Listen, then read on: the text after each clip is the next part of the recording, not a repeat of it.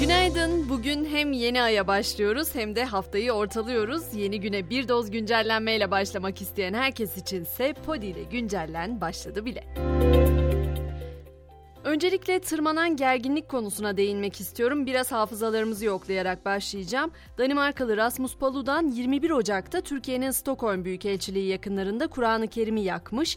22 Ocak'ta da ırkçı Pegida örgütü lideri Edwin Wagenswield'in Hollanda parlamentosu önünde Kur'an yırtması gerilime neden olmuştu.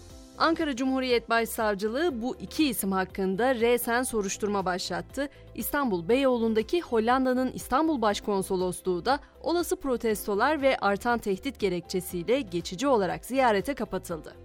Öte yandan İngiltere, ABD, Fransa ve Almanya'da kendi vatandaşlarına yönelik seyahat uyarılarını güncelledi. Uyarıda batılı ülke vatandaşlarının özellikle büyük şehirlerde kiliselere, sinagoglara, büyükelçiliklere ya da konsolosluklara ve batılıların uğrak yeri olan diğer yerlere yönelik saldırıların hedefi olma veya saldırılara maruz kalma ihtimali bulunmaktadır denildi.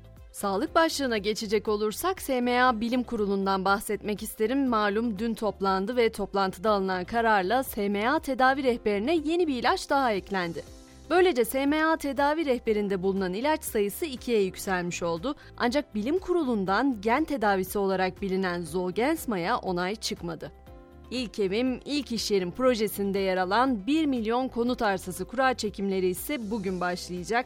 Projede birinci etap kuralları 1-6 Şubat tarihleri arasında 13 ilde noter huzurunda gerçekleştirilecek.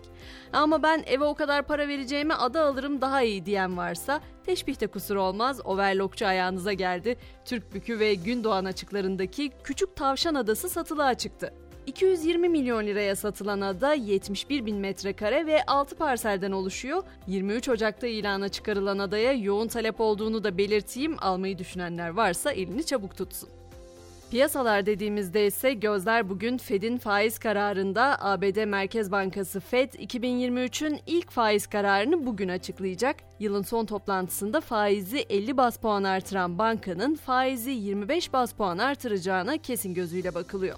Son zamanların yine çokça konuşulan konularından biri de vize almanın zorlukları, hatta red yiyen sayısının artışı. İşte vize konusunda da yeni dönem geliyor. Avrupa Parlamentosu Schengen başvurularının dijital ortamda yapılabilmesine yönelik raporu kabul etti. Teklif yasalaştığında başvurular tek platform üzerinden yapılacak, vizeler pasaporta basılmayacak, bunun yerine dijital sisteme işlenecek.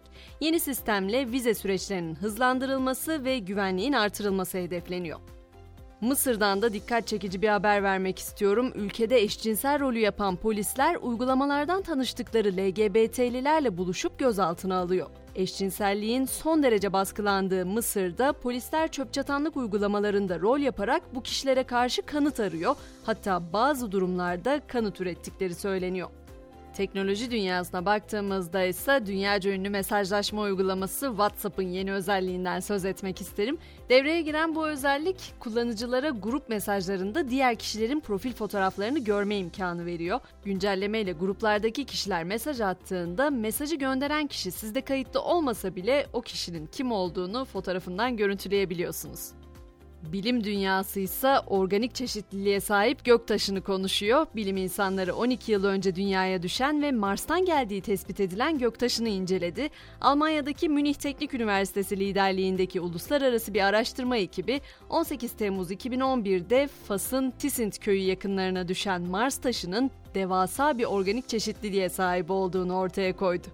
Artık spor diyelim. Süper Lig'in 22. haftasında Beşiktaş konuk olduğu Fatih Karagümrük'le 1-1 berabere kaldı. Bu sonuçla siyah beyazlıların 5 maçlık galibiyet serisi de sona erdi.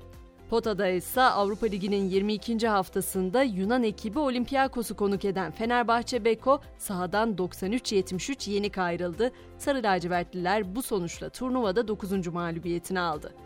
Ve bugün usta sanatçı Barış Manço ölümünün 24. yılında anılıyor. Sanatçının yıllar önce dile getirdiği ben 2023'te 80 yaşında olacağım. O zaman belki Doğukan'ın kolunda sahneye çıkar 2023 bestemi bir senfoni orkestrası eşliğinde icra ederim şeklindeki sözleri vasiyet sayıldı.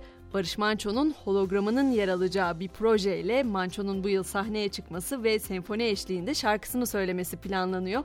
Ben de güncelleni bugün adam olacak çocuklara yakışır şekilde onun sözlerinden biriyle noktalamak istiyorum. Çıkmaz sokağa girmeden gösterelim ve hiçbir insandan esirgemeyelim sevgilerimizi. 3-5 günlük dünya hayatı değmiyor hiçbir kavgaya diyorum. Akşam 18'de görüşmek üzere. Ben Gizem yine burada olacağım. Şimdilik hoşçakalın.